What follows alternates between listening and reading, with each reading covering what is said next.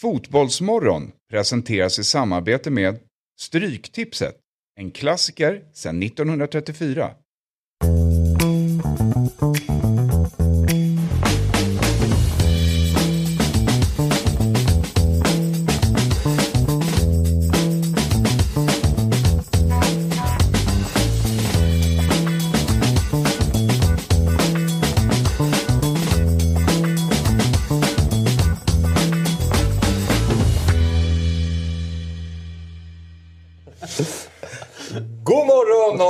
Välkomna till första programmet av Fotbollsmorgon lördag. Som ju är en del av Fotbollsmorgon, vilket också innebär att det är Fotbollsmorgons 109 morgon. Och den här vignetten som ni precis såg är helt ny. Det är Tommy Slabittan, vårt geni här på Dobb som har gjort den. Den är helt underbar och där ser ni också eh, Fabian Ahlstrand. Som är en del av Fotbollsmorgon lördag. Ja, en, med en kungakrona. Ja, det var du som fick avsluta alltihopa. Det är lite baserat på fotbolls-VM watchalongsen som vi fyra hade tillsammans. Där du fick en del rampljus och en del hyllningar. Och därför så fick du kronan också. Ja, men alla fick det. Vi är ett lag. Ja, ja, men jag menar du avslutade ju att sitta på tronen i vignetten. Det säger väl något? Ja, okej. ja men kanske. Det var du som sa det. Fabian Jalkemo är här. Så är det. Sitter och kollar lite Instagram direkt. Eh, jag skojar skrev till dem och fixade chatten. Ja, jag förstår det. Jag förstod, jag förstod att det var något viktigt. Vi, får, vi ska se om vi kanske kan få upp eh, chatten här på uh, vår TV så vi kan se vad folk skriver. Men hur mår du, uh, Jalkemo? Jo, men det är bra. Eh, det känns som länge sedan man satt i den här studion på det här sättet och ska snacka upp en fotbollshelg. Det var ett litet VM som eh, kom i vägen. Och sen har ligalunken, ligalunken, det är ingen jävla ligalunk. Fan vad hett det är. är det inte jävligt hett? Jo, det alltså vi har Serie A-matchen igår, krossen i Neapel. Vi har eh, ja, men, Spanien där det verkligen är Real Madrid mot Barcelona igen. Cupfinal också på det. Och bara i den här helgen så är det derbyfest i England. Ja, men är det för, Vad fan hände där vad är det för förresten? helg vi har? Med Barcelona? De är så här, har de raderat några matcher? För nu står de har bara slaktat senaste tiden. Nej, men alltså, det känns som att de gick tungt i början. Ah, de har alltid, I ligan har de ju gått bra. Du de kanske inte bara tänker har de på inte Champions tappat League. typ så här sex, sju, sju poäng på hela säsongen? Nej, de har ju- Ja, jag vet. Det är det jag menar. Men jag var så här, det var inte den bilden jag hade när jag tittade tabellen. I ligan har de ju gått superstarkt. Ja. Eh, Det får man säga. Nu får vi upp eh, chatten och... Eh, Nej men jag mår också bra, tack Det var det jag frågar. det- var det jag Kul tänkte att jag fick vara med. jag, tänkte, jag tänkte faktiskt inte säga nu ska vi... Jag är van att vara sist. Ja, Vissa precis. saker förändras ju inte här. Nej, exakt. Va? Jag skulle komma till dig Sabri. Hur, hur är läget med dig? Nej, det är toppen faktiskt. Det är kul att vi, eh, vi är tillbaka i, i det här formatet och lördagarna. Man har, man har saknat det. Ja. Det ska bli jävligt kul. Jag är peppad. Och sen som sagt, jävla, eller fotbollshelgen började ju igår, men vi har jävla matcher framför oss. Eh, Det är ju derby snart om några timmar. Mm. Eh, sen har vi ju Brighton, Liverpool. Sen, vi måste ju ta Svan. Vi har ju Lecce Milan lite. Va? Vilken jävla match alltså! Ja, det var lite kul. Måste ju säga direkt och koppla in chatten. Vassen skrev ovant att ni inte börjar klockan nio. Och vi har ju lyssnat på twitchen. Alltså 99% av twitchen sover ju klockan nio. Så vi har ju lyssnat på dem. Precis, det är... Eh, Man visste inte vad man skulle göra med den där extra timmen. det är lite därför faktiskt. Ja. Eh, nej, exakt. Jag bara satt hemma och rullade över. Vad är ni? Vad är ni då? Ja, ditt, ditt, ditt schema är lite off ja. Eh, Jalkemo, du hade en bra fredagkväll. Var ute och käkade på Adria här borta. Eh, Trevlig italienare. Aldrig ätit faktiskt. god mat. Mm. Så väldigt trevligt. Du gillar italienskt. Du är inte trött på italienskt efter vår Ja, ni var ju i Rom tillsammans, Fan, tillsammans med också. Italien är den mest överskattade matkulturen i hela världen. Alltså jag, hade, jag hade gnuggat. Jag hade gnuggat så mycket. Så här. Be- Benjamin Ingrosso var i Rom för typ fyra veckor sedan. Och han, alltså så här, du såg knappt de här slidesen på hans um, sparade story där han rekommenderade restauranger. Ah. La mig i gnugget, googlade, sökte på, tog Fabbe till de här ställena. Citat dag två. Dags att mygga av den där jävla Benjamin. Så ni gick i Benjamin Ingrossos Rom-spår. ja. Han gjorde, han drog med mig. För jag hade inte gjort den researchen. Men han tog den enkla Men när vägen. du Men var... Vad sa du? När du, när du såg italiensk mat på det sättet, vad, vad är det du menar då? Dåligt, men det är ju så här ett eh, enkla recept. Sen är det ju bra råvaror, men det, är inte, det blir aldrig liksom supergott. Det är inte asiatisk mat liksom. Nej, okej. Det är din favorit. Ja, men det är det. Ja. Vad, vad tänker du Sabri? Jag garvar. Vad ska jag- Han hånar italiensk mat i Italien. Liksom. Det, är, det, det är hårt. Ja, ja, han var ju Ja. inte liksom på eh, något ställe här, utan det var Nej. ändå i Rom. Exakt. Ja. Och det är absolut inte alltså, så här, med all, alltså, ändå all respekt till Jalkemo, det var ändå bra restauranger. Det var inte de här turistfällorna vi åt på, utan det var ju Fan, bra ska du, väl då, du krogar. vara glad att du hade med dig Jo, fan jag är jättetacksam. eh, Research, Ja, liksom. men- men, du gillar det inte? Jo, alltså det är gott men det blir inte så. Du frågade efter ketchup här. Nej, det gör det gör jag inte. Det, det, Hade du gått då? Nej, men, ja, men hade, jag- alltså, så här, första, första kvällen var en riktigt bra karbo. Hade, hade ketchupen åkt fram då, då, då hade jag lämnat. Då hade jag Nej, byggt alltså, då hade jag lämnat han i Rom och åkt någon annanstans. Todd Åkesson är med oss. Jalkemos italioferingskurva pikar spikrakt uppåt. Ja, men så är det. Ska ju till Neapel om eh, två, två månader också. Ja. Eh, med dig. Just det, Eh, så är det. Så det blir trevligt. Ja, om eh, nio minuter så ska vi ringa upp Jan Andersson. Innan vi gör det så ska vi prata lite fotboll och eh, ja, det var ju en smällkaramell Ja, i Neapel. verkligen. Vilken, vilken match. Uh, jävlar vad bra Napoli är alltså. Det är... ehm, nej, de är ju... ehm, det är ju inget tvekan om att de kommer vinna Serie A. Det är ju, de, säkrar där med, men de kommer säkra det där med fyra omgångar kvar. Eh, jag tycker de har allt egentligen. Alltså bara det här är som att de har Osimhen där uppe. Gör ju så himla mycket. För att, du vet mig själv när man lirar fotboll. Alltså här, när man möter en stor anfallare. Alltså bara, de är väldigt bra i korta. Men sen de bara skickar längre. Alltså det blir så jobbigt för försvararna att handskas med. Och det kan bli en hörna eller det kan bli en målchans. Alltså det är hela tiden, du måste ha koll på honom. Hela tiden. Mitt, backlinjen. Men Fabbe, jag, jag tänkte på det här igår när, när, när man ser delar av den här matchen. Osimhen, hur, han har ju varit ganska skadebenägen. Ja. Sen, alltså, så här, det är ju sällan han får de här runs eh, of games under tiden i Napoli. Ja. Hur bra är han skulle du säga? Om vi tar, folk pratar ju ja, men, Mbappé, folk pratar Haaland, folk pratar Lewandowski. Hur bra är han skadefri? Kan, kan han liksom utmana på den nivån? Det är väl Napolis största värvning någonsin. Kostar väl drygt 80 miljoner euro. Det är väl en jätteinvestering verkligen. Osimhen? Ja, 60 kanske? Ja, jag vet inte exakt. Det var jättedyrt. 80 eller? Känns som, att- alltså, så här, hur gammal är han?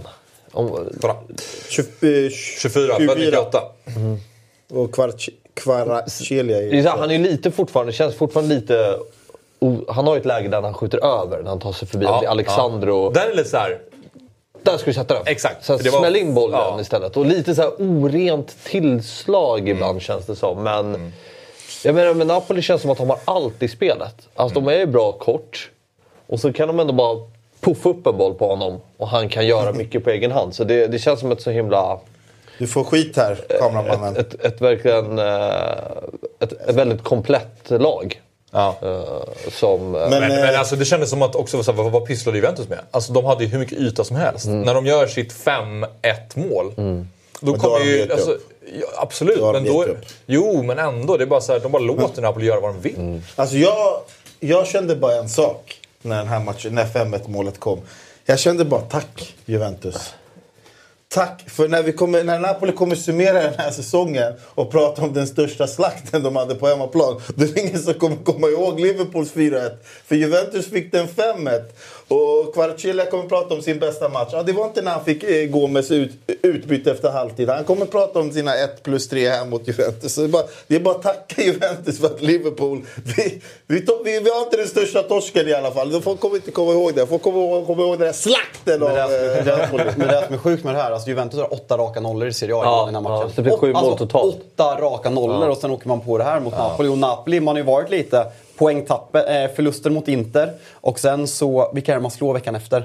Eh, ja men så här, det, två, Udine- ja, Nej. Napoli? Ja. Eh, Sampdoria Ja, men så här, borta. det var lite, det, det såg inte jättekul ut och det- man var så här, är Napoli tillbaka?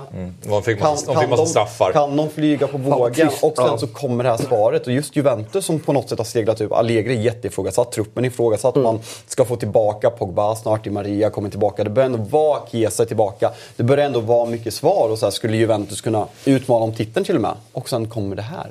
Alltså man, vad är det för jävla fredagsmatch? Och de här fredagsmatcherna är sexiga alltså. Man gill, jag gillar den här tiden. Men alltså så här, Juventus senaste matcher så har de ju heller inte dominerat på det sättet. Utan det har varit liksom, jag såg matchen mot Cremonese, det var ju liksom så här, de, och, och hemma mot Udinese, där ligger de liksom 60-70 minuter ligger de i försvarsspel på hemmaplan mot Udinese. Och sen eh, vinner man med 1-0 i 93 minuter. Så har det varit så här, det, det har ju varit typ, så här lite gamla, gamla Juventus dominerade ändå matcher när de vann med 1-0. Här har de det? Ja, de Nej men alltså det lite- kändes stabilare. Kanske inte dominera var fel ord, men du, vet, det kändes stabilare. Här är det så här. Det, alltså, lagen får chanser, gör bara inte mål. Sen har de haft sina 7 nollor i rad och, och, och, åh, jag vet inte, det här var bara så här. Nu fick Chiesa starta, Di Maria kom tillbaka, starta, var bäst på plan. Men fan, var de lite för offensivt balanserade då eller? För att de gubbarna kanske inte älskar att bara ligga i block i 70 minuter. Sen var ju Di Maria bäst på planen. Det var inget snack om det, men eh, Ja, bäst på plan om man torskar med 5-1. alltså, han var ju bäst på plan i Juventus. ja, det var- Ja, okej, Alltså, han var ju den enda. Ska de ta med sig någonting, ska de ta med sig någonting då är det ju faktiskt Di Marias Skönt att vara tillbaka och bara hugga! Ja, men det, ja, men det är det jag menar. Men eh, nej, det, det vilka har Napoli i Champions League? Oh, jag glömmer ju... Alltså, Brygge, eller? Fick de inte Leicester? Nej, Benf- nej, Benfica har brygge. Ja, okej. Jag Det kommer kommer ju- ihåg- ja, men de, fick, de, de, fick en bra, de fick en bra lottning. De fick en bra lottning va? Nej, de kan gå långt här också. Champions League? Ja, ja, verkligen. De kan ju lägga... Napoli har Eintracht. Nej, men det blir ju det promenadseger. Ja. Oj, oj, oj. Nej, men guldet hamnar ju där. Så, Nej, men det kommer bra publikmöte. Det, det finns inte... Alltså, Fra- ja, var inte. Frankfurt hade sin... eh, De, tog hade ju sån jävla... ja, Just när de spelade hemma. De spelade dubbelmatchen hemma. dubbelmatch hemma. Alltså, lite fusk ändå måste jag tycka. Två, tillbaka två också. hemmamatcher. när liksom, eh, när, när, när Barca-supportrar gav bort biljetter. Men det var lite lågkonjunktur inte- och så. ja. så det, jag förstår det. Var det inte final förra året? De var ju... Eller vann de? Eintracht. De vann, de vann, De vann, va? de Just det. vann, de vann. Och de var väl en 30-40 tusen på Sevillas Slog ju. Barca i semin och final. Och tog ju Champions League-platsen via den. Ja, Just det, så är det ju. De slog Rangers i finalen. Ja. Men uh, nej, jätte, jätteimponerande. Men uh, apropå Sampdoria, lite tråkigt om de ryker åker ut. De ligger väl ganska dåligt till i, i Serie A. Det, Ja. Ja. Sen vet man inte, Genoa är ju i Serie B. Jag vet inte hur det går för dem. Men, Men de vill ha derbyt så de åker Ja, exakt. Så går de upp Sampdoria tillsammans. ligger på 19 plats. ja, När ska vi prata om Aston Villa Leeds? Vet du vad? Jag tror att eh, vi har eh, Janne med oss alldeles Vi strax. ska prioritera Janne Ja, det kommer vi göra. Så Aston vi kan Leeds. göra det lite redo i alla fall. Bamford tillbaka! Va? Genoa Det ligger, var in i FPL direkt. Vi. Genoa ligger för övrigt på en tredje plats Okej. eh, med 33 poäng. Frosinone leder och Regina på en andra plats när vi pratar Serie B. Han är galna jävla namn. Det, det kan ju vara så att de byter plats med varandra. Genoa och Samp. klassiskt uh, fotbollskväll-lag, Regina. Från 2005. Du, du älskade fotbollskväll. jag bara tänkte på det när jag såg Alexander Var, var, Östlund. inte, var inte fotbollskväll svensk fotboll? De ändrade ju det sen. Ja, okej. Det var ju ett tag det var europeisk fotboll. Ja. Jag tror att jag såg min far bli medlem. Eh, eller åtminstone, jag såg hans namn fladdra förbi i chatten. Okej. Så att vi välkomnar pappa Insulander till... Ja, eh, verkligen. Mycket, mycket föräldratema här Champions. senaste, Men, senaste men om man ska bara summera den här matchen så är det här också, det känns som en väldigt historisk seger. För tänk när Napoli vinner scudetton och det är den här matchen kommer ju bli så otroligt definierande. Att man spöar sin rival med 5-1 på hemmaplan i ett scudetto-vinnande år. Det är ju det är ju en, rätt, det är en häftig match på så sätt. Jag tror att de nämnde det, jag tror om det var Svanen eller Henok igår. De, de, är, de är en match ifrån från att ha den där eh, striken som de hade 89-90 när de vann. Tror jag. Så om de vinner en match till då har de tagit lika många segrar. Eller lika många poäng som de gjorde då. Är det inte ett tvåpoängssystem då, dock? Kanske helt snett på bollen. Men när eh, Napoli vinner ligan sist tror jag typ att det är två. Ja, kan vara... Men du, ital italienare älskar ju det där liksom, att gå tillbaka och bara "Ah, nu är vi lika bra som vi var då. Eh, Är han med oss eller? Jag, jag, jag tror att eh, kontrollrummet jobbar på att få med Janne i, i sändningen här. Så ska vi prata lite med vår förbundskapten om januariturnén. Ja. Men innan vi gör det så, Ska vi nämna... så kan vi väl, Jalkemo, Sjö-Felix. Bra, bra debut. Nej, men det, jag, jag tycker såklart inte synd om Chelsea, men det, nästan. Graham Potter, han ser så, han ser så hjälplös ut. Ja, det finns ju en bild där en sån här... Ni minns klassiska Brandao-bilden från VM 2014, första sändningen kontra sista sändningen. Ja. Det fanns ju en sån från Potters första match till nu. Ja, den har jag missat. Det finns ju klassiska med United med Mourinho och framförallt David Moyes, Solskär också. Ja. Hur, de, alltså, hur de åldras av jobbet. Och Graham Ja. Potter, men skäggig, lite så här. Han ser, han ser sliten ut. Ja, Och, det, är, det är eh, nog tufft alltså. Jag, jag, sen ska det sägas, jag tycker verkligen att Graham Potter kanske kommer undan eh, lättare än vad han förtjänar. För att fokus är på, nej men, spelarna får skit, det är mycket skador. Man har eh, en ägarstruktur som är bara, vad fan håller ni på med? Ni har värda för 3 miljarder men det är bara mediokra spelare. Folk fokuserar inte på att kolla laget Graham Potter har. Han ska göra så jävla mycket bättre. Mycket Absolut. Man slog, mycket bättre. man, man slog Bournemouth nu hemma med 2-0. Innan det, man har inte vunnit i ligan sedan 16 oktober. En vinst sedan Ja, 16 nej, men vi oktober. pratade lite om det igår. Att här, jag kan tycka att typ spelare som Mount, äh, Havertz och vilka nu är som är bra, som ska vara framstående. Vad sysslar de med? Mount, Mount har varit jättesvag Om, om du tar till exempel Mount och så såg du bara de här 45 minuterna som ändå Ciao Felix var bäst på plan. Då, Överlägset. då ser du hur, hur jävla överskattad den här Mount ändå är. Nej, nu, nu är du hård för att Vet du vad, citera vi får pausa lite i den diskussion om Mason Mount och Chelsea. För jag tror, om vi sätter i oss, eh, om vi sätter på oss hörlurarna här, så tror jag att Janne är med oss. Janne, välkommen till Fotbollsmorgon lördag. Tack så hjärtligt. Hur, eh, vi hoppar in på januariturnén direkt tänker jag. Hur eh, summerar du turnén? Det, det är ju, eh, till att börja med är det fantastiskt roligt när man är förbundskapten och inte har så många samlingar på. Vi har ju fem alltså, ordinarie då, plus januariturnén. Den har vi inte haft sedan 2020 på grund av pandemin. Så att det var fantastiskt roligt att få komma iväg. Och vi hade ju väldigt många unga nya spelare. Det var ju väl 21 av 25 som var debutanter. Eh, det, det är ju kul alltså att lära känna den här nya. Det kommer, man pratar om nya generationens spelare. Jag har varit med så länge så jag har följt många nya generationer. Det är den här generationen som är den nya generationen. Att lära känna dem. Och de är ju som fotbollsspelare i allmänhet. Positiva, glada killar, nöjda att de är uttagna. Och, ja, det, var, det, var, det var väldigt roligt. Jag sa det när vi skildes åt att eh, lite ledsen att behöva åka hem faktiskt. För att det var kul att fortsätta med det här gänget ett tag till. Eh, Eh, eh, Janne, vad, eh, du säger ju att det är 21 nya debutanter. Vad tycker du, ser, du, ser du någon skillnad på årets trupp jämfört med de andra åren som du har haft den här turnén? Liksom? Det, jag, min känsla var, nu är det ju några år sedan vi hade det, så där, därför är det kanske lite svårt att jämföra. Så min känsla är att det är en bättre helhet på de här spelarna. Alltså välutbildade fotbollsspelare tycker jag det. Och det, det alltså, mycket lov till våra klubbar och våra klubbtränare som är jäkligt duktiga där ute. Alltså, de är välutbildade fotbollsspelare. Det, det jag saknar lite, och det, är väl, det bygger väl då på lite brist på erfarenhet, men det är ju när det blir det fysiska spelet, duellspelet och det här. Där, där tycker jag inte man är så långt framme.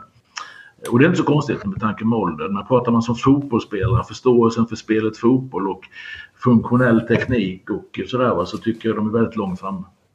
Det där med duellspelet är ju väldigt intressant. Vad tror du det beror på? Kan det vara liksom någonting med den här stora konstgräsutvecklingen som eh, de nya spelarna ofta utbildas på?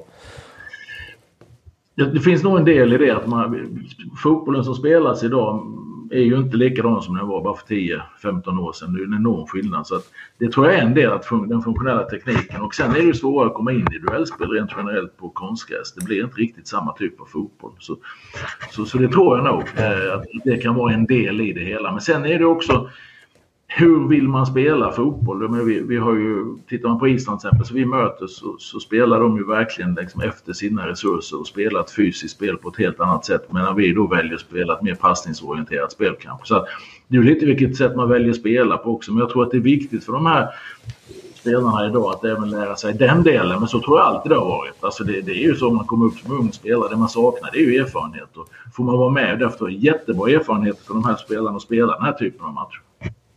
Mm.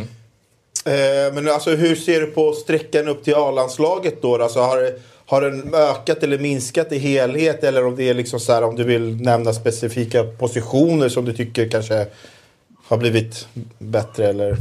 Ja, ja, man kan väl säga så här egentligen att när, när jag kom med som förbundskapten, när jag blev förbundskapten sommaren 2016 så var det väl knappt en allsvensk spelare. Det som har hänt sen det är ju att det har kommit några hemvändare.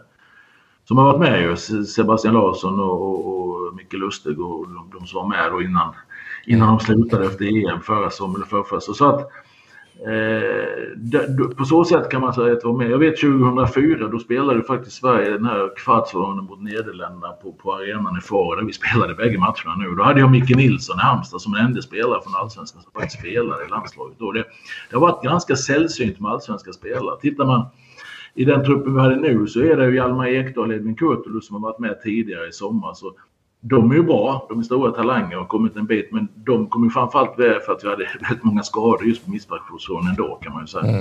Eh, I höst så kom ju Samuel Gustafsson med lite och samma skäl. Men han klev in och gjorde det fantastiskt bra. Så att jag, jag måste säga att jag blev, den här turnén blev också imponerad av Samuel. Han, han, mm. han ligger bra till för att vara med i det riktiga landslaget. Sen Totte mm. Nyman gör alltid bra landslaget. Vi hade velat se Alexander Jeremejeff den här gången när han lämnade återbud och ta in Totte istället. Och det, det är ju spelare som har varit med innan i snacket bägge två. Så att då, de finns väl med någonstans. Men om jag ska vara ärlig så hoppas jag att, i varje fall till mars, över tid så hoppas jag att många av de här kommer att vara med i landslaget. För det är ju meningen. Men till mars så mm. hoppas jag att övriga spelare är hela och friska så att det inte blir så många som är aktuella härifrån. Ja.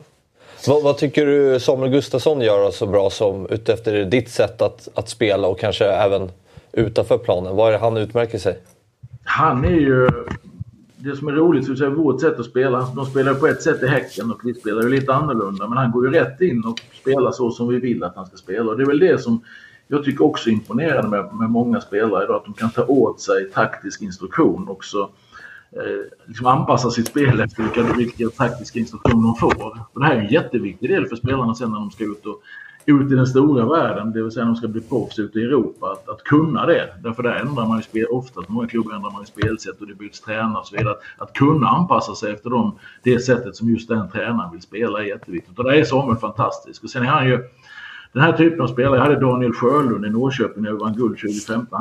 Jag tyckte Berga var fantastisk. Han var alltid förberedd när han fick bollen. Han visste vad han skulle göra av den, ta mig fasen alltid. Och Samuel är precis. Det är ett lugn. Han, han sätter liksom ett tempo i matchen. Ska det vara lite tuffare pass och genombrottspass så gör han det. Men ska man bara ha några lockpass så löser han det. Liksom. Så de andra får tid på ett sätt som är fantastisk förmåga att sätta tempo i spelet. Plus att han då som ju man måste kunna på den här nivån också kan försvara som centralfält, att ligga i rätt yta och så vidare. han har imponerat stort på mig, det gjorde han under turnén också. Men Janne, en fråga gällande taktiken, hur man tar sig an en januariturné? Vi vet hur ni, hur ni vill spela med A-landslaget. Hur mycket anpassar ni taktiken i en sån här för att testa spelarna i ert spelsätt? Exempelvis i en match mot Finland som man kanske på pappret ska vara mer spelförande med, med den kvaliteten man har. Är det något man tänker att du vill se hur de kan hantera hur A-laget spelar så att du får se dem i den, i den rollen? Ja, alltså vi vill ju, man kan säga så här att det här har ju varit diskussioner hela förra året. Det var jag som var lite övertydlig in i junisamlingen att vi ändrade vårt sätt att spela. Det vi gjorde då var egentligen att i anfallsspelet gå ifrån och spela med två renodlade forwards. Som vi har gjort tidigare. Därför att det som är idag, det är att lag spelar på så olika sätt offensivt och där försöker vi hitta en anpassning efter vilka spelare vi spelar. Men försvarsmässigt så vill vi spela på vårt sätt och det gjorde vi nu också för att då vill vi sätta det så att säga. Så här spelar landslaget försvarsspel. Men sen anfallsspel Första matchen så spelade jag med, med, med Totte Nyman och, och Mustafa Zeidan som forward. Så Mustafa Zeidan är ju ingen djupledsgående forward. Han ska ju bli tia. Nu blev han lite djup och ner ville hämta boll för djupt ibland. Men det, det, är inte så konstigt. Det är första gången de spelar ihop. Men andra matchen så spelar vi med Viktor Edvardsen, Jola så. Ja, då är det mer två djupledsgående forward, renodlade forward. Så att lite grann anpassar vi vårt spel. Spelar vi med Dejan i det riktiga landslaget så ska han ha en roll som liknar den i Tottenham. Och då pratar vi anfallsspel nu. Där försöker vi hitta olika lösningar utifrån de spelarna som spelar så att man ska få ut mest av deras egenskaper. Medan vi försvarsmässigt sätter vårt försvarsspel eh, så vi vill ha det. Mm. Eh, märker du på spelarna att de känner press på att de måste visa upp sig och prestera? Det, känslan med januari, januari nu är att det blir nästan som en, en stor tryout för 20, ja, dryga 20 spelare. Ja, nej, men så är det nog. Det sa till om tacktalet så berömde jag dem allihop. Och det är klart att man som spelare vill, vill lyckas och visa upp sig. Men vi, vi har ju sett de här spelarna många gånger. Och de är mm. uttagna för att de är bra utifrån vad de har presterat. Sen, sen i vissa matcher så kommer man ju inte helt rätt och i vissa matcher så blir det inte precis som det är tänkt. Och framförallt inte om man spelar med en massa spelare som aldrig har spelat med innan. Så att mm. om man känner lite sådär efter matchen, några stycken känner sig lite missnöjda med att de inte fick ut allt så, så har jag inga, liksom, det har vi ju överseende med. Det är inte det som avgör framtiden. Utan vi kommer ju följa de här. De var ju med för de var bra. Men visst är det så att det var en anspänning. Det är, absolut, och det är klart.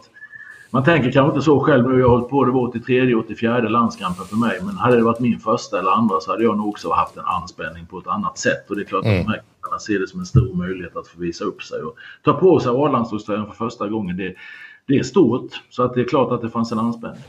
Hur, hur jobbar du med ditt ledarskap där då? För jag kan tänka mig, apropå Axels fråga, att det är spelare som kanske går in till match och jagar aktioner istället för att låta liksom, matchen komma till, till sig. Att, låta, liksom, att, man, att man låter matchen sjunka in till spelarna och istället liksom jagar man aktioner. Uh, förstår du vad jag menar? Och ja. hur jobbar du med ditt, ditt ledarskap där för att få dem att slappna av och liksom, låta matchbilderna komma till, till spelarna?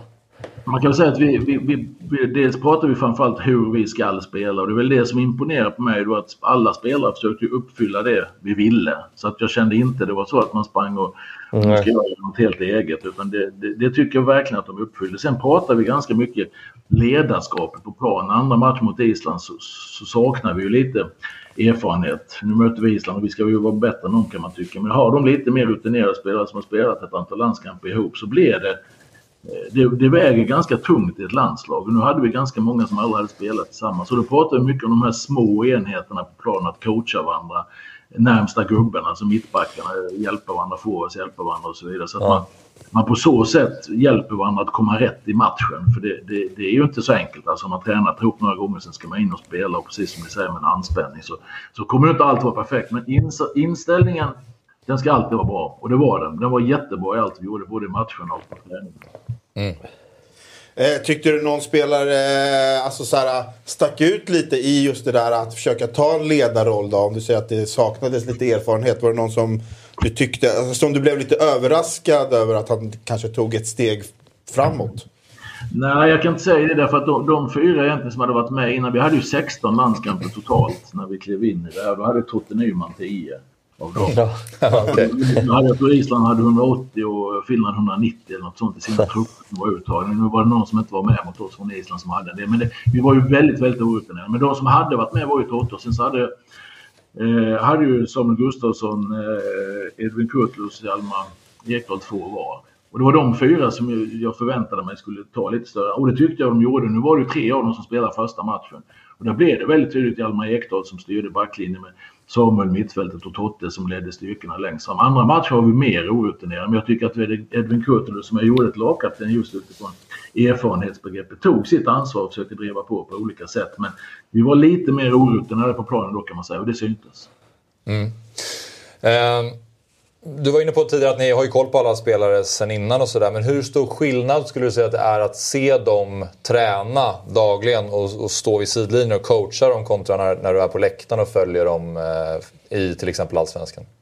Nej, det är, det är stor skillnad. Det är, inte, det är, inte, extremt stor skillnad, men visst är det stor skillnad. Nu känner jag ju många av tränarna. Vi, vi är ute och hälsar på tränarna, Peter Wettergren och jag vet ungefär hur de vill spela och sådär. Och vi, vi, då, då, har man lite lättare att förstå spelarens roll på planen. Men det intressanta just med landslaget är ju att få se hur anammar de liksom hur vi vill spela. För det kan ju mm. vara så att du har en helt annan roll i ett klubblag. Man kan ju titta mm. på, titta på en mittback som spelar en fyrbackslinje. Det kan ju vara enormt många olika instruktioner. Vi har pratat om det här att jag sa att vi skulle spela med tremannaanfall. Man kan ju spela med tremannaanfall på hur många olika sätt som helst. Mm det, det, är ju liksom vilken roll man har i sitt klubblag. Den är ju inte exakt likadan i ett landslag, såklart. Och just då deras förmåga att ta in den instruktionen och försöka uppfylla det. Det, det tycker jag imponerar på spelarna. Och jag, jag, därför är det så roligt och därför är den här januariturnén så viktig. Tittar man om jag tar ut en trupp idag med det riktiga landslaget så har vi kollat tillbaks lite att ungefär två tredjedelar har gjort sin första landskamp i samband med januariturnén.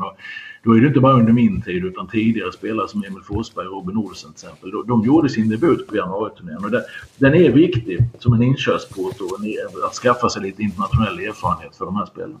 Mm. En position som jag tycker sticker ut på den här januariturnén som jag tycker är väldigt intressant. Om vi kollar på målvaktspositionen där både Robin Olsen och eh, Kristoffer Nordfeldt är, menar, passerat 30-årsstrecket och blir inte yngre. Jag tycker att det är tre väldigt lovande och intressanta målvakter som, som får chansen här i Leopold Wahlstedt, eh, eh, Eh, JVZ och eh, Dovin. Hur, hur ser ni på den konkurrenssituationen och hur mycket ger att se dem visa upp sig på träningar när det ändå är, ja, men det känns som att man slåss om en tredje, tredje spade just nu och för framtiden en, en första, första målvaktsplats. Mycket möjligt. Ja, jag tycker du sammanfattade väldigt bra faktiskt. Hur läget är. Nu, nu tycker jag Robin och Kibba håller fortfarande väldigt, väldigt hög klass. Så att eh, eh, vi ser dem som ganska väldigt klara etta, tvåa som det är nu. Sen vet man ju inte framtiden, men de som är bakom det är ju bland annat de här tre. Det finns någon till som gör det bra, men, men de här tre är bra. Mats Elvendal, min målvaktstränare som är jäkligt duktig eh, följer ju 10-12 målvakter. Han följer varje vecka och ser allt de gör i princip. Och han identifierar ju de här tre som vi skulle ha med. Mycket utifrån det du säger här. Att, att se dem i träning och att lära känna dem lite mer. Och, samtliga tre gjorde det bra. Eh, Oliver fick ju knappt någonting att göra i matchen andra halvlek. Jakob hade ju tyvärr lite mer att göra när vi tappade dueller i första halvlek i eget straffområde och gjorde det jättebra.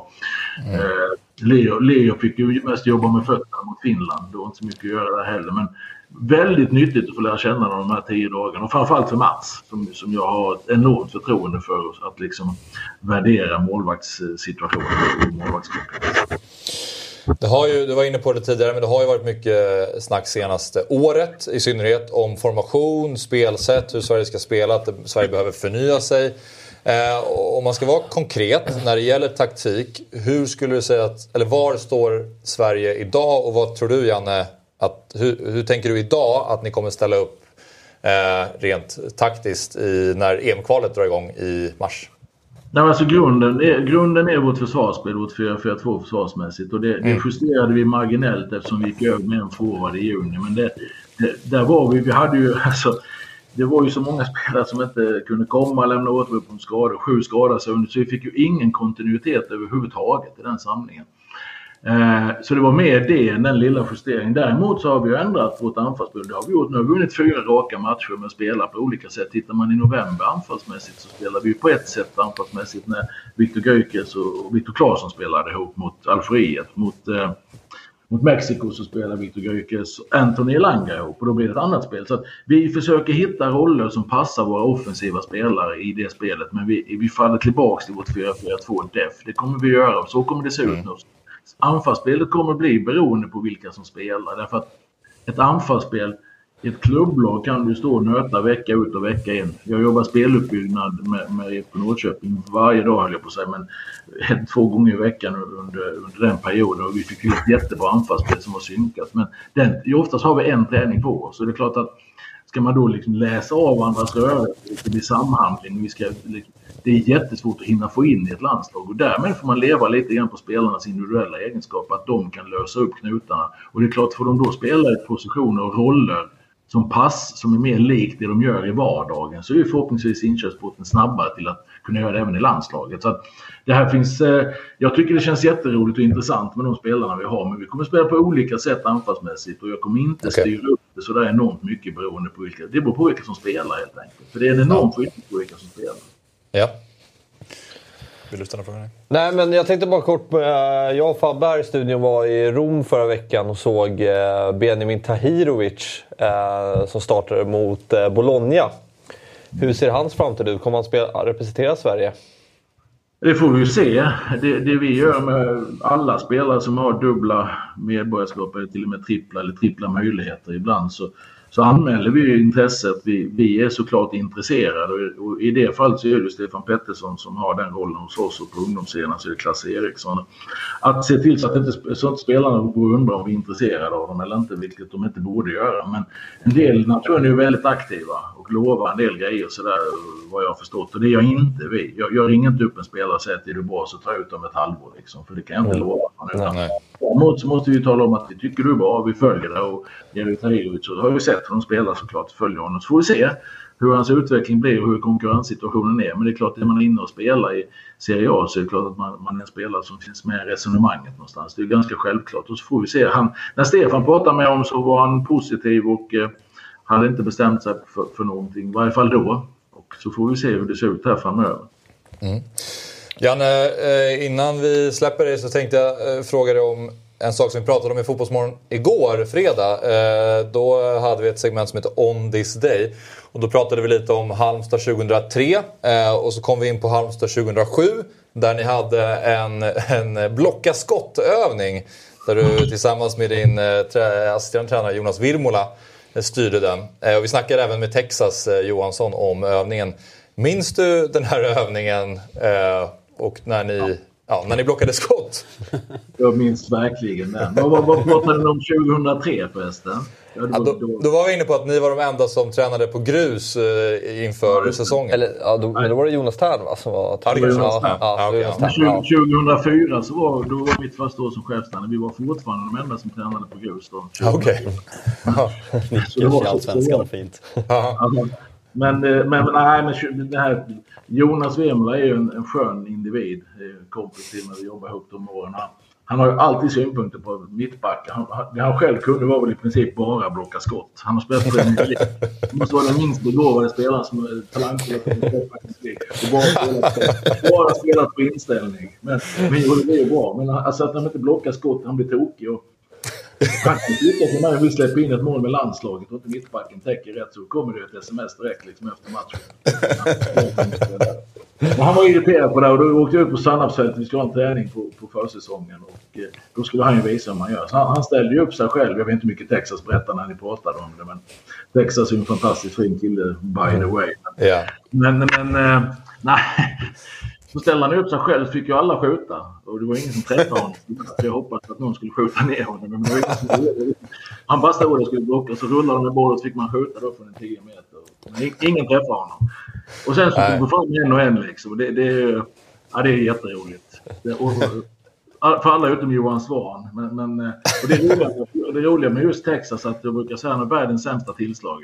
Det var ju som att han har på sig en galosch när han skjuter. Men där fick han sitt livs träff. Och här filmar vi. Jag flyttar undan honom bara för att vi ska se liksom. Och där står Jonas. Och block, har ni har samma bild uppe nu som jag? Ja, vi, vi, precis. Vi rullar Där står klippet. Jonas förklarar för mig vad de ska göra. Och så står Tobbe Arvidsson till höger som nu är assisterande. i- Jävla skottet. De två skulle man inte möta på planen ihop, kan säga Jonas och Tobbe. Men här kör vi då. Va? Och det ska. Jonas åka. Men sen så då efter ett tag så får vi spelarna gå fram. Och det här, är, här kommer han då. Per, nej, det är inte den. Det är nästa. Ja, men det kommer strax tror jag. Var det Magnus Arvidsson som var där kanske? Nej, nu är det Svan tror jag. Jag ser det långt. Nu är Johan Svan som står han, han spänner upp sig lite. Spänner upp ögonen Alltså, man, man, man, Ja, vill, det är helt underbart. alltså, man, man vill ju bara att landslaget ska ta efter. Ja, ja. Alltså, ställ, ställ, Vigge och blocka skott och sen står den här Ja, Halmstad-killen och guidar och skriker på Vigge bara sådär och sen kliver Dejan Ja, det är fantastiskt. När, när det väl kommer ett skott rakt i huvudet på honom, då, då jublar alla och bara bra, härligt. Där. Jonas, Jonas skrek något sånt tror jag också. Att han, han jublade först. Som väl var gick det ju bra med den stackars Johan Svan. Så det var. Så, Nej. Fan vad roligt. Men det är inga övningar som, det är inga övningar du kör idag, Janne? Nej, jag, bara, jag så. Jag varken kört det förr eller senare. Men, och den är inte sådär jätte... Man får ett effektiv träning. Vi står på försäsongen. På och fryser så ska de gå fram en och en. Det är sådana kolonnövningar som man får förr. Det, det är ingenting man ska förorda. Men det är ett roligt minne faktiskt. Och Jonas tror jag är stolt över det där. Han är helt stolt. Ja, det kan man tänka sig. Ja, vi måste ringa upp honom. Men sista frågan, Janne. Hur mår ditt knä?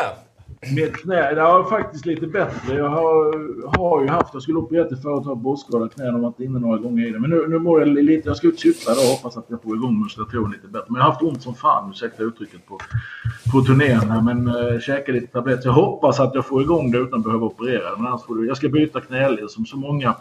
Min generation fotbollsspelare så tror jag knappt nå- någon är fri från knäproblem. Det är många som har det i alla fall. Jag tillhör dem. Så det är inte så dramatiskt, men det gör ont faktiskt. Ja, jag förstår det. Du får krya på dig och tack för att du var med. Och eh, lycka till nu fram tills nästa match är väl eh, en, just nu, jag vet inte om det finns några matcher inplanerade innan, men det är väl mot Belgien på Friends i mars. Ja, det är det. Vi har två hemmamatcher. Vi inleder 24 mars Belgien och 27 mars mot Azerbajdzjan. Så det ska bli... eh, Det ser vi fram emot. Det ska bli roligt. Ja, tack Janne, stort lycka till. kör hårt. Hörs. Tack, tack själva. Ha det bra. Hej. Hej. Ja, spännande. Ja, nej, men alltså, jag, jag hade ju inte sett det där klippet. Alltså fy fan vad bra. Men jag hade tänker inte så sett här, det. 2007, då tänker jag så här. Hur ofta filmade man på träningarna? Men den här kameramannen visste ju att det kan ju spåra på den här övningen. De ska alltså blocka Jag tror att det var. Johan Orenius, var inte det vi pratade om igår? Men han var där, och va? Filmade, Texas berättade att Orenius var på plats. Och... Men jag gillade det första skottet som verkligen gick 20 Ja, det är det bästa. Det tycker jag är det, är det bästa. Ja. De bara på. Men det är ju så här, du vet när folk eh, så här, säger att ja, svensk fotboll det står still, det utvecklas inte. Då är det ju bara att dra fram det här klippet att så här, Ja, nej, 07 alltså. Man övar block och glidtacklingar. Brassarna bara, fan håller de på med? Är det för jävla övning? Nej, men det var kul att, eh, att Janne kunde bjuda på det också och prata lite om Stackaren fick det rakt i huvudet. Första skottet. Ja, nu- för nu, hör, nu, hör, nu hade ni inte ljud då, men när man lyssnar på det här klippet också så är det ju roligt att alla reaktioner är bra, bra blockat. Övningarna gått till precis, allt har gått precis som det ska. Han ställt alla vissa blocken. Han bara ställer sig. Bara, jag kommer inte få det på mig. Fick det rätt i huvudet. Nej, fy fan alltså. Det, är, nej, det där är kul. Ja, för hela liksom, upplägget är att man ska träffa honom. Äh, spelaren också. Det är ju liksom... Nej, den är fantastisk. Nej, man, man vet ju själv, just när man, är, när man kör övningar på försäsongen, eh, när man står mycket i led. Det kan provocera mig Ja, väldigt mycket. Det var, Janne, det var ju det som Janne var inne på när de snackade om effektiva övningar. men Och det där existerar ju man, inte. man rör bollen en gång var 20 minut. Ja. Då känns det- det, helt poänglöst. Det är bara att ta efter. Visa upp det där. Om du, om du visar alla försvarare så att, som blockar så här nu för tiden. Du vet, de slänger upp båda händerna så blir det straff. Kolla på Arvidsson. bara ta det med skallen som en man. Jag och Jesper vi pratade om så här i, i Big Six så skämtade vi om Nottingham Forest. Steve Cooper, ni vet hur han ser ut. Alltså Mm. urbrittisk. Ser lite ut som en ork i Sagan om ringen typ. Han kör ju sådana här övningar. Det är hans skottövningar så här. Någon ställer sig halvmånen, väggpass, skott. Ja. Alla står på coven. Det är liksom Steve Coopers skottövning. Var det inte John Terry som blev väldigt så här, eh, väldigt hyllad VM 2010 när han Slänger sig. Men han får inte ens bollen nu. Nej, så det var ju jätteöverskattat. Vidic har en exakt Ja. likadan i i United som han, liksom, när han slänger sig. Ja. Ja, är, Inte, Phil Jones har ju när, när han snubblar mot Arsenal, när han så här, Ja, kryper och sen, han, han nuddar ju faktiskt. Ja, han nuddar det. Ja. Men jag ganska, jag tycker det var intressant det han sa om att, äh, ja, men så att spelare är dåliga i duellspelet idag. Det tyckte jag var intressant. Just det här Ja. apropå att så här, idag utbildas typ alla spelare på konstgräs. Ja. Det blir färre dueller. Ja. Eh, jag tror att det har en stor inverkan i att vi är sämre. Liksom, ja, men kolla mittbackar idag. Liksom, och, Folk pratar ju bara mittbackar. Han pratar ju duellspel. Och det, Mm. för den stora debatten i Sverige är verkligen vad vi får inte fram några skickliga mittbackar. Kolla Mm. bakom Vigge så, alltså om vi går tillbaka, det finns en väldigt stolt historia av mittbackar som har spelat på världselit i, i Sverige. Jocke Björklund, Mm. Patrik Andersson, Glenn Hysén innan det, Olof Mellberg och så vidare. och så vidare. Vigge har tagit över. Men bakom det, det har varit ganska skralt. Alltså Hjalmar, och, det, det, ser, det ser bra ut men det är en annan typ av mittbackar. Och att vi ställer upp i avgörande playoff-matcher med allsvenska mittbackar är ju på något sätt ett underbetyg Ja. till positionen i sig. och sen tycker jag alltid när man pratar mittbackar idag, då pratar man om så här... De ska ha bra pass. Ja, men så han har fin fot, han kan smälla in bollar mellan och det. Men fan, man vill ha någon jävel som bara du vet, Men det handlar väl om dominerar luftrummet och bara du vet... eh, vill ha råskinnen. Ja, men vad sa Men du? om, man kollar, man, om man kollar statistik så behöver det inte vara så att man vinner dueller att det är ett kvitto på att det är en bra mittback. Typ van Dijks statistik vet jag att han, Ja, ja, för att han, för att positionerar sig rätt och läser Gjorde. av situationer. Gjorde. Ja, Okej, gjorde. Eh, när man kollar på till exempel Marcus Brink som vi har haft med i många olika program på Dobb, hans olika spiders. Då är det ofta de bästa mittbackarna kanske inte så högt upp på just eh, vunna tacklingar och dueller för att de förstår vad som ska hända lite. Det är samma Rio Ferdinand var ju ett praktexempel där. Han tog ju inte en varning på typ så här 15 år. Nej. Det är helt, helt, för att han alltid stod rätt. Medan Vidic var den som kanske syntes i det här mittbacksparet. För att han stod fel, smällde på, älskade att glidtackla. Eh, så det är intressant det där med mittbackar. Men gällande någon var inne på det i chatten. Finns det någon i fotbollssverige som man bara så här, när han pratar, man bara... Ja, ja. Även om man på förhand så är lite skeptisk till vissa saker. När han pratar, ja, Nej, köper det, håller med. Övertygande men också med, så här, med pondus men med vänlig, vänlighet också. Som Verkligen. gör att man känner att man bara Verkligen. lyssnar och tar till sig. Nej, men alltså, jag kan ändå köpa det han är inne på. Alltså, vi kollar, nu kollade jag elvan här som har startat mot Finland. Bernhardsson, eh, Hugo Larsson och Ajari. Det är ju inga direkt, det är ju de största talangerna i, eh, i allsvenskan. Men det är ju ingen du pratar om så här, oh, det här är, han vinner mycket dueller på mittfältet. Utan han är ju så här, måste spela bollen snabbt, kvickt. Det är inte att de vinner mycket dueller. Och Sen är ju någonstans, fo- sen är ju Hörru, vi ska ta en fotbollen- kort paus. Ja, Ja. sen är ju fotbollen väldigt, om du kollar på Spanien, det är inte, alltså Sergio Busquets absolut, men Pedro Gavi, hur mycket dueller vinner de? De är så jävla skickliga. Så har ju bollen vinna. De har ju bollen hela tiden. Så Gavi, det finns ju en, en annan, man kan inte bara säga att man ska vara Men jag- duellstark. alltså, nej, Men vi ska med gå till en paus. David. Du får fundera på vad du skulle nej, säga och okej, så får du göra det efteråt. Jag tror Eh, dueller inte bara är att man vinner boll. Jag tror liksom så här, när du har boll, det är också en duell. Ja, ja, Absolut. absolut. En, en Peter Forsberg-vunnen duell. Täcka, täcka puck. Ja.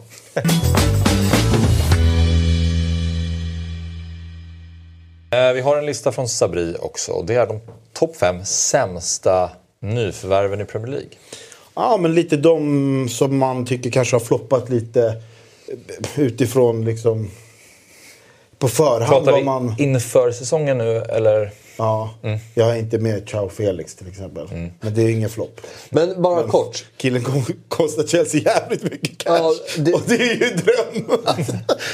Han missar tre och en halv match. Det är så jävla fint. De lånade in honom för hur mycket?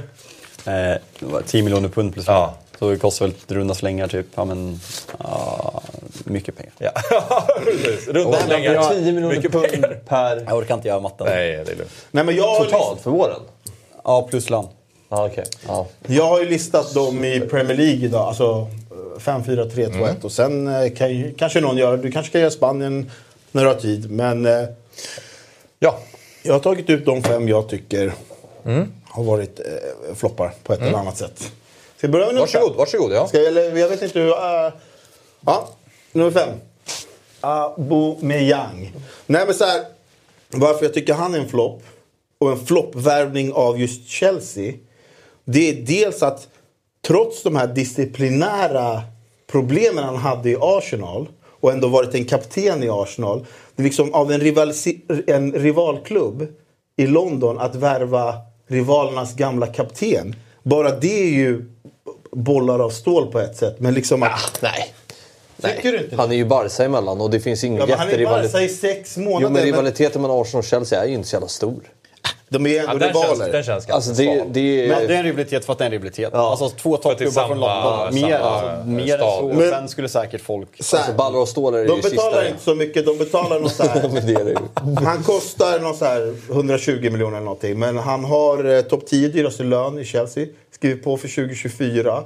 Eh, har, ni som gillar att prata XG och sånt, när jag kollade upp. Han har, han har aldrig haft sämre XG i hela sin karriär. än här i Chelsea. Nej, men, eh, Ni som gillar, vad hela ja, men ni brukar ju prata Vi- så. Älskar vi XG? Det kanske vi gör. Okej. Men också, men också liksom att alltså Lukaku floppar ju och sen Werner har inte varit bra. Då är liksom, de tar, in den, här- de tar in honom som nia för att göra målen. Sen tar de ju tillbaka Broja också som ja, skadade sig och sådär. Men det här är ju det är ju jätteflopp. Alltså, så, så enkelt är det bara. Sen kan man säga vad man vill, att man kanske inte hade lika höga förväntningar. Nej. Men det här är nian de plockar in. De, de floppar med Lukaku, de floppar med Werner. Det här är ju spelare de då plockar in. Och eh, han har eh, topp 10, 10 dyraste lönen i klubben och är så här dålig. Men är det inte lite... Alltså när, jag, när, jag, när han gick till Chelsea så reagerade inte jag så på oh, vilken press han har, vilken värvning det här är. Jag, han går enligt mig inne i eh, Alexander Pato-facket. Av så här bara märklig värvning av Absolut. Chelsea. Jag ser liksom inte honom... Det där- Jag håller inte med om att det här är en flopp. Ja, det är flopp, men jag tycker, Ja. inte, jag tycker inte att eh, i min värld inte nära topp 5 för det fanns inga förväntningar. Nej. Lite- och, och, och, så. Det, det, det känns som en panikvärvning. Vi och, tar och en Aubameyang. sak ska jag också sägas till hans försvar är att Thomas Tuchel värvar honom för alltså, deras relation och deras tidigare grejer de hade i Dortmund. Två dagar senare får Thomas Tuchel sparken. Så det är ju inte förenklat för honom. Och sen Chelsea, det är ju en förbannelse med nian. Man har inte haft en bra... Alltså det är Diego Costa som, alltså men, men forwards, men ju- just såhär nummermässigt i Chelsea. Det är Kanske förväntningar, men det, alltså, jag pratar också så här, valuta för pengarna. Alltså, så här, det, det är så, jag tycker att det är flopp på många sätt. Dels att, alltså, att han också är så dålig. För så här, han gjorde det bra i Barcelona. När han gick dit. Han, han blir sparkad från, eh, han får kicken från Arsenal mer eller mindre. För att han är, inte för att han var en dålig fotbollsspelare utan för disciplinära skäl. Sen var han ju bra i Barcelona. Så lite förväntningar hade man. Man bara, okej shit han hittar lite glädje i Barcelona. Killen kan ju göra mål. Killen kan vara bra. Han kanske kan göra något i Chelsea. Men inte, han är inte bara liksom en dålig värvning pengamässigt. Men han är också, han har varit jättedålig. Han har varit en flopp. Där, där Nummer, nummer fyra på listan. vaknade min lilla supporterådra till Arsenal den dagen Aubameyang lämnade Arsenal. Fy fan vad glad jag blev. Ja, okej. Alltså, spelare jag aldrig har tagit till mig. Äh, inte ens när han var bra i Arsenal. Nej, svårälskad. Ja. Ja. Nummer fyra på listan. Ja men där har jag Bissouma. Där hade man ju förväntningar ändå. Ja men alltså det var, det var stora förväntningar på honom. Han var ju väldigt bra i, i Brighton förra året. Eh, nu har vi ju sett att alla värvningar som gjordes från Brighton förra året är en flopp. Eh, men eh, nej men alltså så här, kommer för hyfsat dyra pengar ändå. Eller ett eller annat. G-. Ganska billigt faktiskt. Alltså, 350 miljoner eller något sånt där. Men det är så här. Contes frustration i Spurs kommer ju från mittfältet och det här är ändå så här en spelare som skulle ta den där platsen. De hade en, en Dombele där som var ganska trött. Som inte, han nådde inte upp till de förväntningarna man hade. Bissouma ska ju liksom gå in där. Nu spelar liksom Oliver Skip och sådana här spelare före honom. Och visst, det är alltid en risk att värva in ung, yngre spelare liksom, som kanske inte klarar av den pressen. Men han färgar alltså inte ens i, i, på den positionen där Spurs har det som tunnast och sämst. Eh, så det är ju helt... Alltså man, Spurs-supportrar får säga, tror jag håller med mig, men jag tycker att det är, det är, det är en flopp hittills. Sett till liksom, de stora förväntningarna han kommer med. Så tycker jag det. Att han, inte, att han inte ens färgar i det här Spurs, det är otroligt. Ja. Ska vi gå håller du med? Nej, jättebesvikelse. Tottenhams mittfält som du säger är deras eh, akilleshäl. Och eh, Höjbjerg inte tillräckligt bra. Bentancur har gjort jävligt bra. Man trodde ju att Bissouma skulle vara... Han ryktats- har varit en bra värv. Jättebra, jättebra. Han är ryktats i större klubbar. Det är ju han och NDD som många pratat skulle ta den här. Men Tottenham, United. Men eh, nej, jätte, eh, här skrev jag under på. Jag hade jättehöga förväntningar. Nummer tre.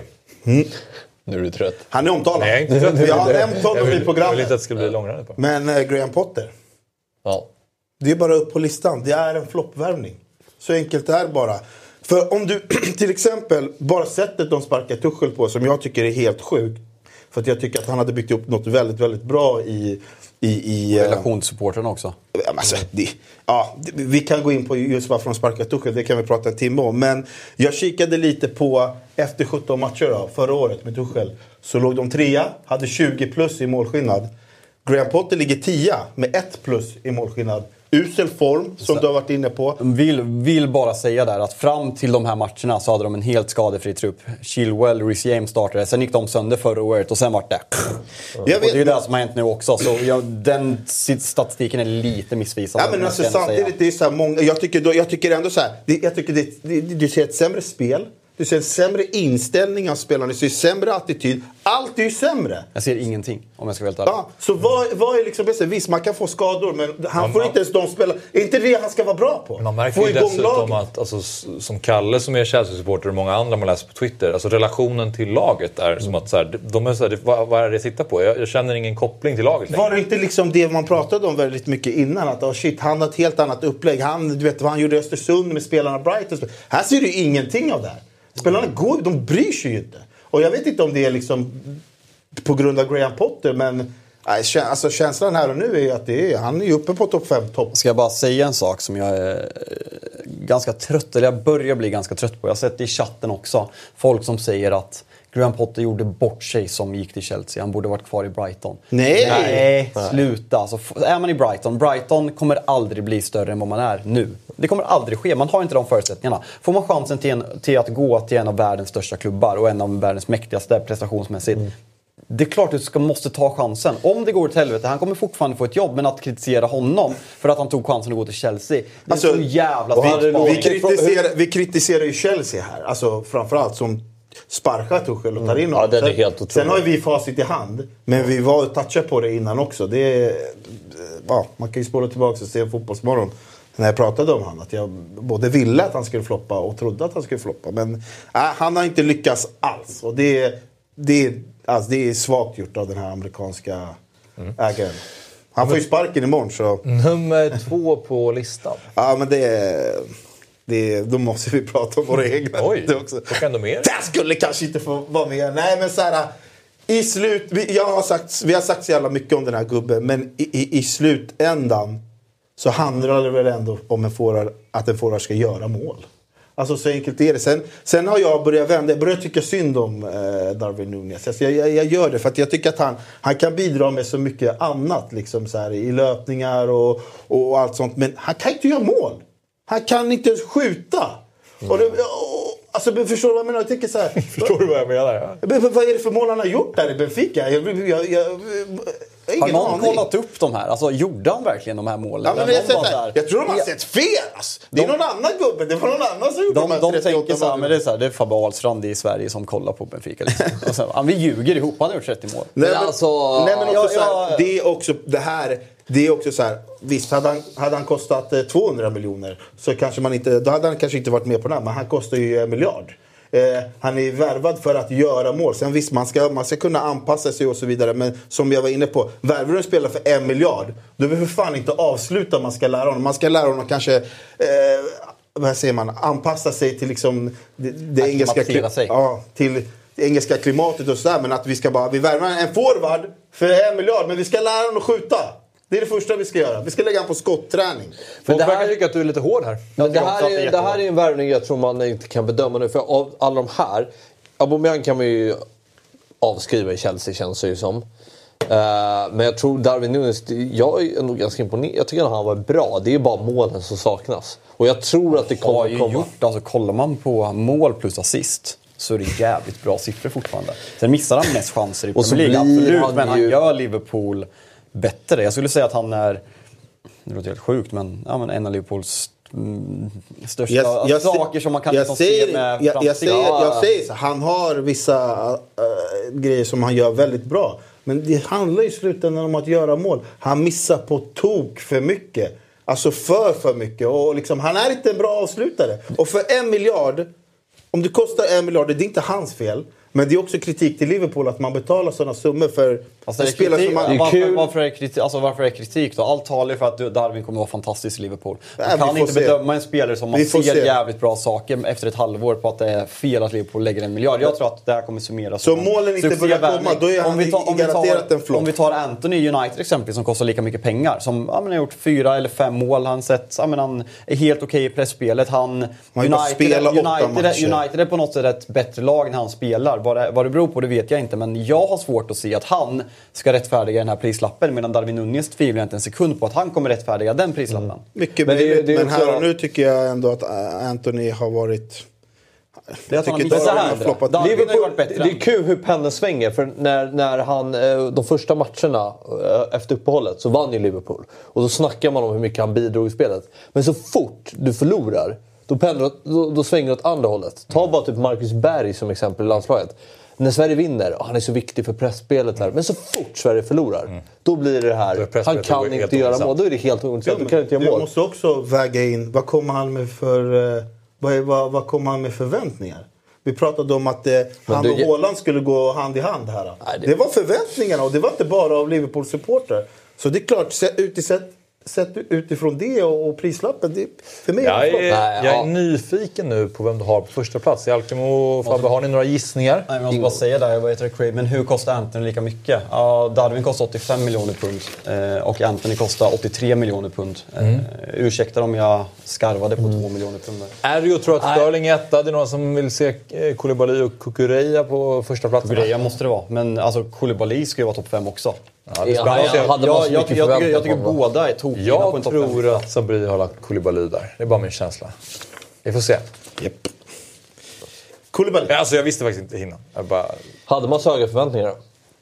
Värvas som en, en av världens bästa mittbackar senaste Jag 10 tycker, åren. tycker jag verkligen inte att han är. Ja, men Nej det är men så vad man- du tycker, man det är ju så Det man ju pratar. status. Man Är lägger ju, man, lä- Ja, han, ja, han, jag ryktas för till. United, Jag- och, men jag- han, jag- han ryktas till United och City för en miljard i fem sex år. För att han skulle rätta till deras, deras bekymmer. Han är 31 år typ va? Ja. Kommer som en färdig mittback och är jättesvag.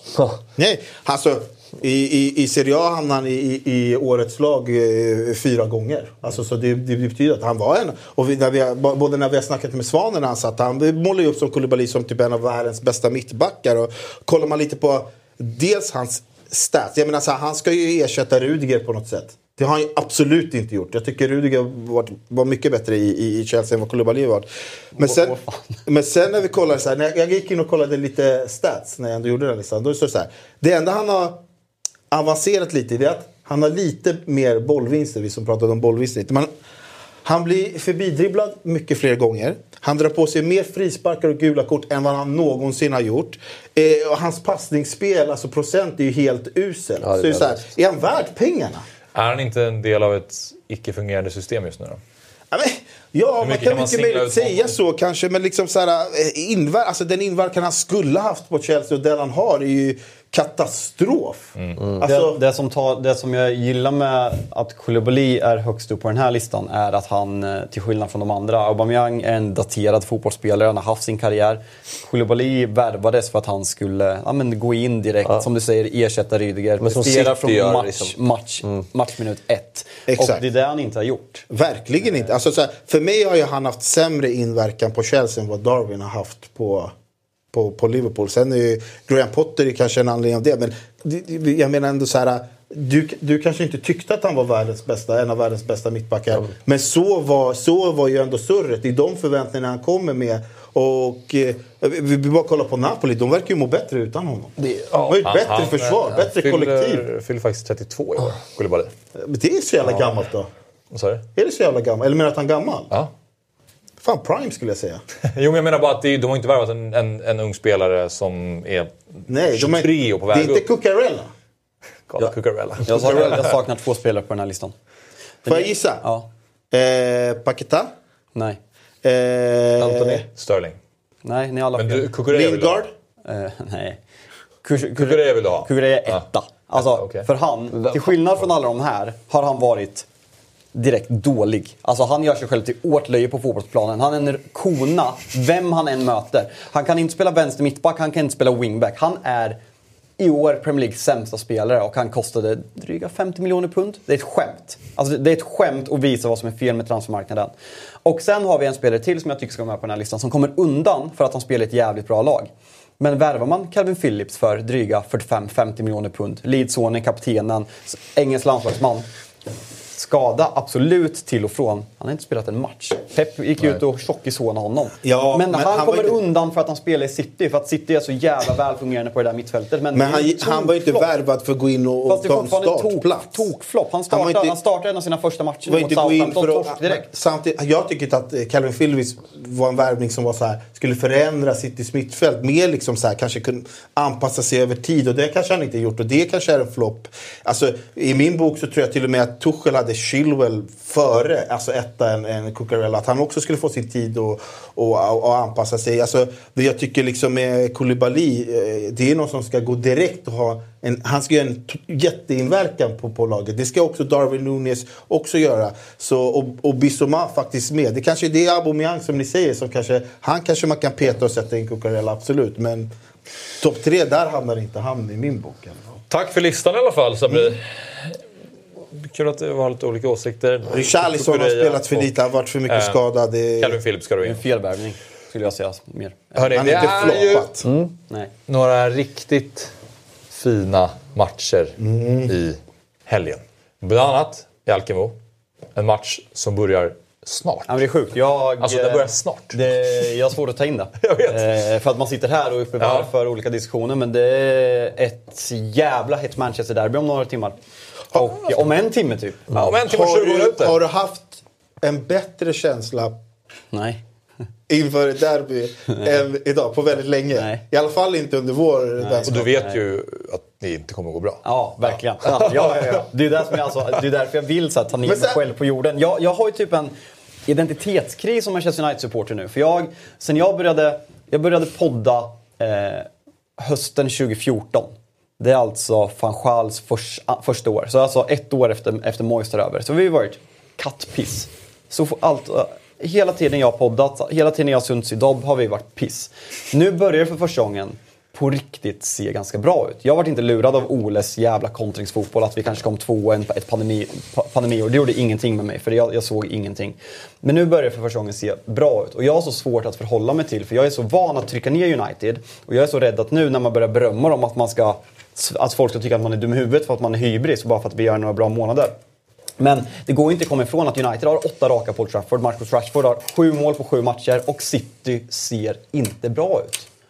Och vi är en poäng bakom om vi vinner. Och sen torskar Arsenal och sen är vi sex poäng bakom Fabbe! Alltså det är så jävla hårt att säga att City inte ser bra ut. Alltså de vinner ju fortfarande fotbollsmatcher men de ser, de ser ju inte ut som City verkligen har gjort. Och det här med att Pep båda har förstört dem. Alltså Cancelo och Foden var ju de bästa Premier League-spelarna inför VM. Nu är de ju tok-iskalla. Vem tar du mer än Foden? Eh, Cancelo. Ah, Nej men alltså vad har han gjort med de här spelarna? Alltså, Nej, han har det var konstiga ju Dalot som petade honom i, i, EM. Han är, i VM. Han är knäckt. ja. Nej, det, kommer bli, det, det är jättekul att följa den här matchen just för som du säger Alkemo, att det finns förutsättningar som gör att Manchester United ändå känns som att kan de, kan de stångas lite här? Men sen börjar man tänka på höstens möte. Ja. Det var alltså 6-3. Ja. 7-0 Ja. hade speglat matchen bättre. Ja. Alltså det var Och- det, värsta, och- det, var det och på- värsta jag sett. På Old Trafford så var det inte så kul heller. Nej, det var 2-0. Men City... Alltså City... Det var ju en överkörning, va? Det var en ren Men överkörning. Casemiro kommer inte, han kommer inte acceptera en 6-0 i. Röda Casemiro spelar ju inte den här matchen. Oh! Ju- alltså, Satsa allt på Nej, alltså förra, förra, förra matchen. Ja, förra matchen. Men, hur hypad kan han vara? McTominays grej, nej, då är det ju 5-0 igen. absolut. Shacklebolt i chatten med en riktigt pigg spaning att United bara har vunnit mot bottenlag. Alltså slagit Tottenham, Arsenal och Liverpool. Bottenlag. Liverpool är ett botten. Det är ju också Tottenham-Arsenal. Ja. Imorgon 17.30. Derby i London. North London Derby. För eh, Tottenhams skull får de väl hoppas att eh, Kulusevski kan vara med från start. Vi såg någon stat de la upp där att det är jävla bra facit han har när Fan han har Spurs startar. gjort 37 mål.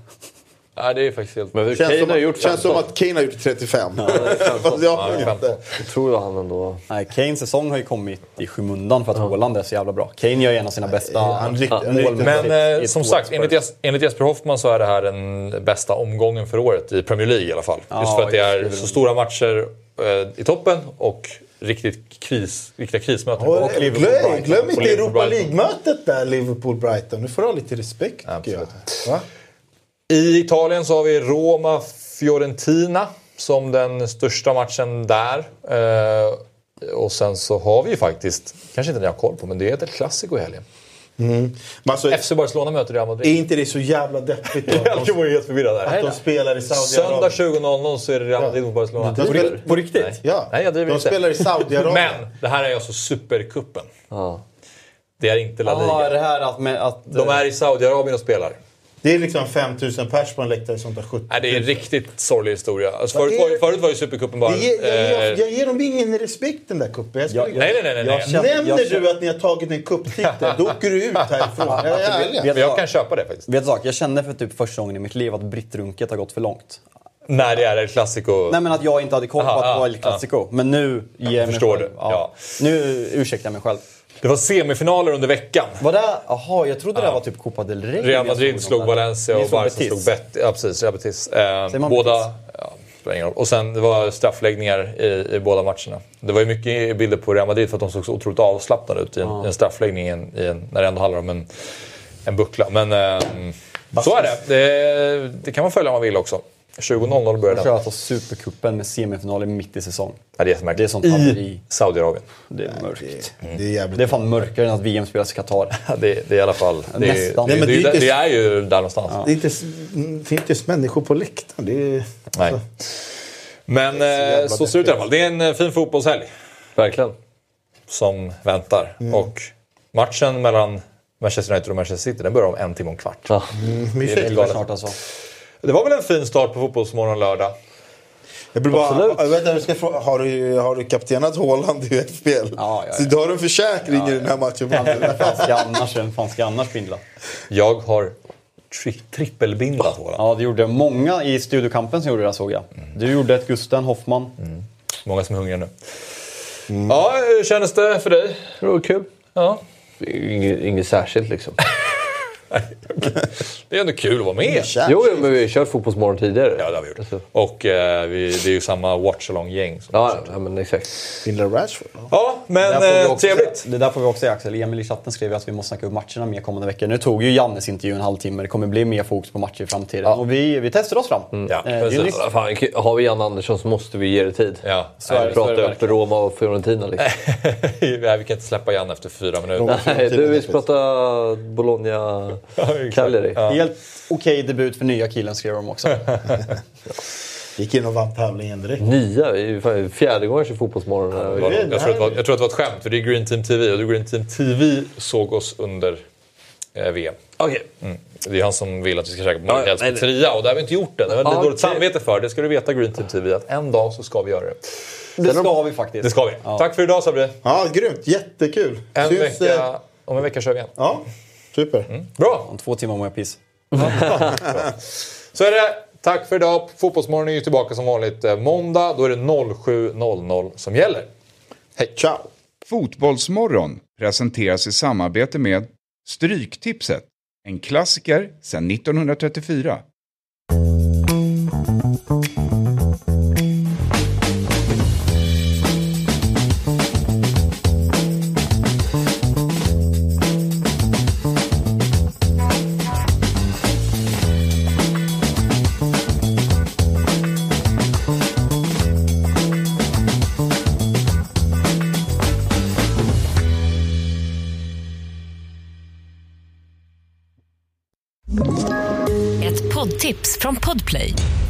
Fallen jag aldrig glömmer djupdyker Hasse Aro i arbetet bakom några av Sveriges mest uppseendeväckande brottsutredningar. Går vi in med hemlig telefonavlyssning och, och då upplever vi att vi får en total förändring av hans beteende. Vad är det som händer nu? Vem är det som läcker? Och så säger han att jag är kriminell, jag har varit kriminell i hela mitt liv men att mörda ett barn, där går min gräns.